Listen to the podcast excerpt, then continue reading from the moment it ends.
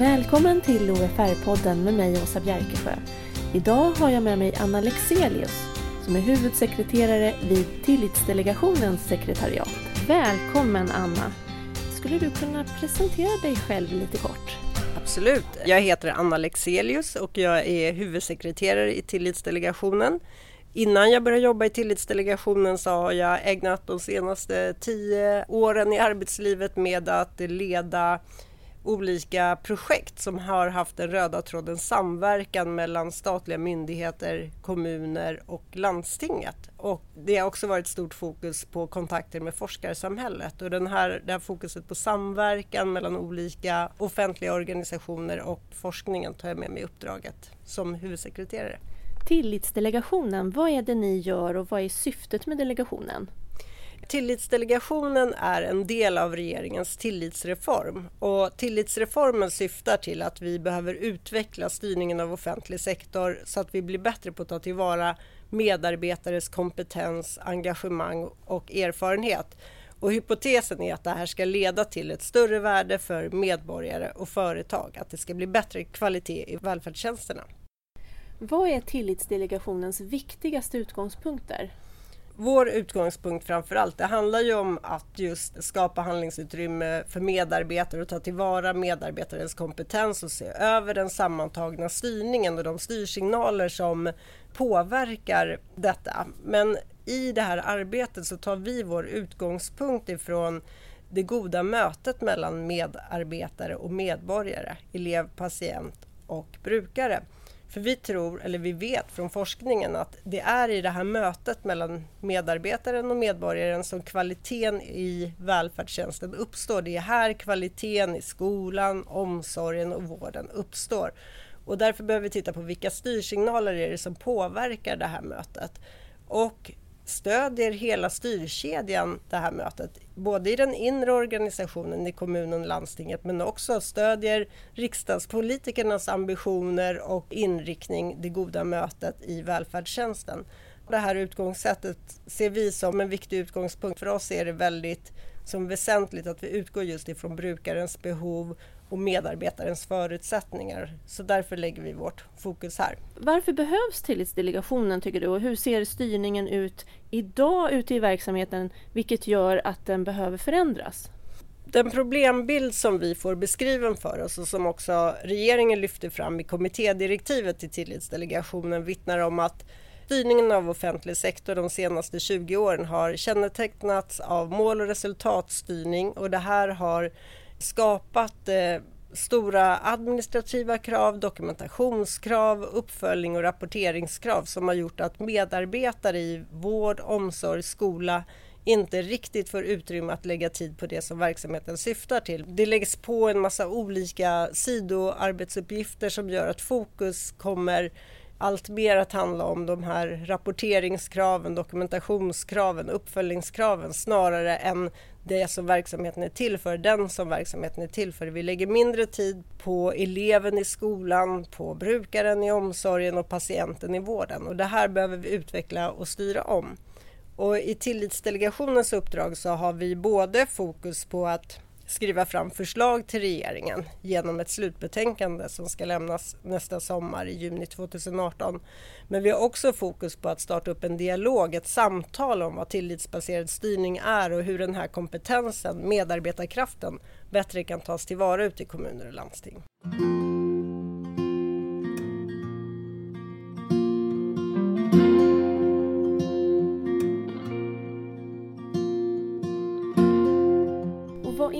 Är tillitsbaserad styrning?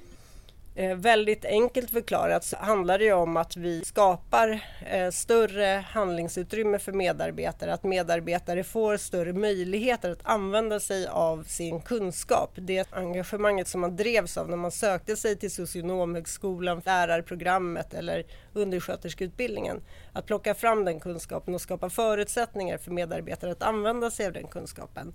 Men eh, om man ser det i ett lite större perspektiv så handlar det om att bygga verksamheter som i större utsträckning utgår från verksamhetens syfte och helhet, att utgå ifrån brukarens behov i större omfattning än vad man gör idag och att i alla beslutsnivåer i en organisation, hela styrkedjan jobba för att skapa förutsättningar för samverkan, helhetsperspektiv. Så det kopplar ju väldigt mycket till brukarens behov.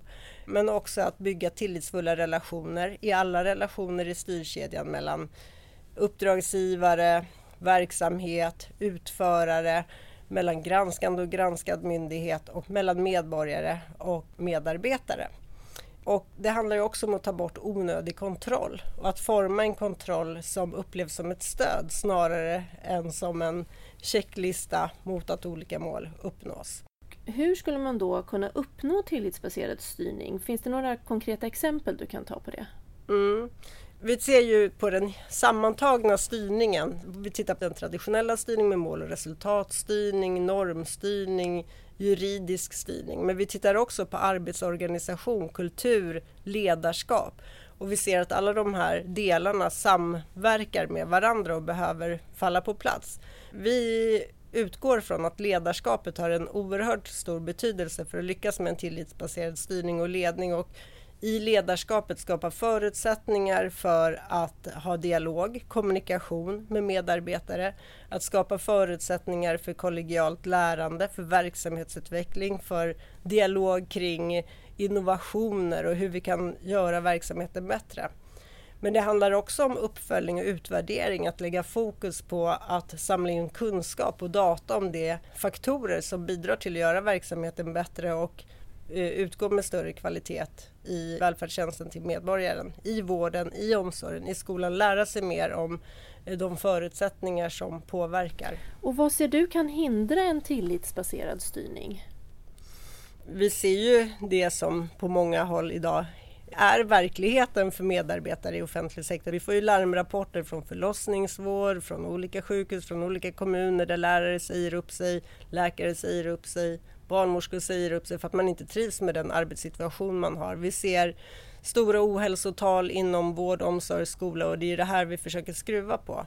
De dåliga exempel som lyfts fram är ju en kraftig detaljstyrning där man pekar med hela handen, där det kommer styrsignaler från många olika håll, från staten, från kommunen, från Sveriges kommuner och landsting som har olika krav och önskemål på verksamheten och att det här regnar ner på medarbetare som känner att arbetssituationen blir ohållbar. Det handlar också om situationer där man inte har ett fungerande ledarskap, där man inte har en utbyggd kommunikation mellan eh, närmsta cheferna och medarbetarna och där det inte finns förutsättningar för medarbetare att tillsammans lära sig av varandra i ett kollegialt lärande. Där fokus läggs väldigt mycket på rapportering, uppföljning, utvärdering utan att det återkopplas till medarbetare vad det här syftar till. Och jag vet själv från min tidigare arbetslivserfarenhet att det finns ett enormt engagemang hos de här yrkesgrupperna generellt. Många har sökt sig till de här olika yrkena för att man har ett stort engagemang och vill göra det bästa möjliga för brukaren, patienten och eleven. Och när det skapas en frustration, när man inte får förutsättningar att göra det här på bästa sätt, då har vi inte en tillitsbaserad styrning.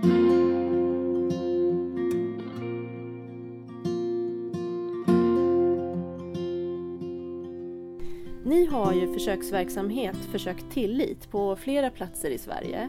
Kan du berätta lite om hur det går och hur det fungerar? Ja, vi följer olika utvecklingsarbeten som pågår i kommuner och landsting. Så vi har valt ut 12 olika initiativ i 12 olika kommuner och landsting. Och de här utvecklingsarbetena eller försöksverksamheterna som vi kallar det följs upp av forskargrupper. Så vi har 25-30 forskare som följer de 12 försöksverksamheterna.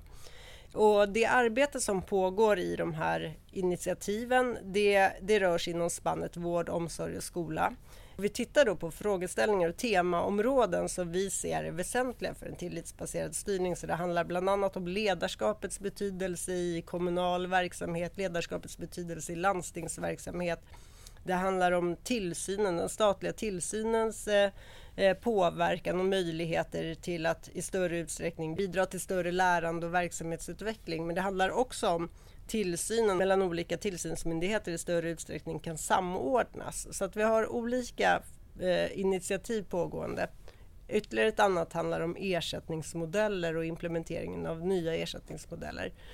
Vi har ett projekt som jag verkligen vill lyfta fram som pågår i Falun och det handlar om elevhälsan och samverkan där man har startat upp ett samarbete mellan skolförvaltningen och socialförvaltningen, barn och ungdomspsykiatrin och primärvården.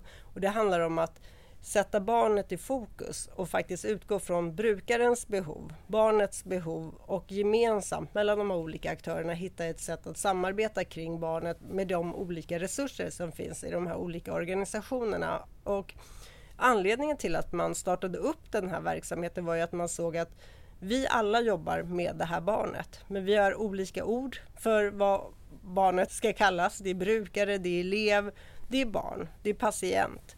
Vi pratar också om olika målbilder för barnet. Vi har ingen samsyn överhuvudtaget och ingen dialog gemensamt med barnet. Och det här med helhetsperspektiv och samsyn, systemperspektiv, tror vi är oerhört väsentligt för att lösa knäckfrågor för välfärden idag. Där vi är väldigt duktiga i Sverige på välfärdstjänster, men vi brister emellanåt när det gäller personer som har behov av komplext stöd och som har behov av stöd från fler än en aktör åt gången. Och därför är vi väldigt måna om de här initiativen som riktar in sig just på samverkan och helhetsperspektiv. Eh, det jag kan säga också om försöksverksamheterna är att forskarna följer dem. Som sagt var, de kommer att lämna rapporter till oss i Tillitsdelegationen som vi använder oss av när vi skriver vårt slutbetänkande. De kommer också att sammanställa resultaten i en forskningsantologi. Så varje försöksverksamhet genererar ett kapitel i den här antologin av väldigt välrenommerade forskare. Antologin kommer släppas i samband med vår SOU sommaren 2018. Vad ser du Anna framför dig när ni har lagt fram ert slutbetänkande? Är det så att allt är serverat och klart då?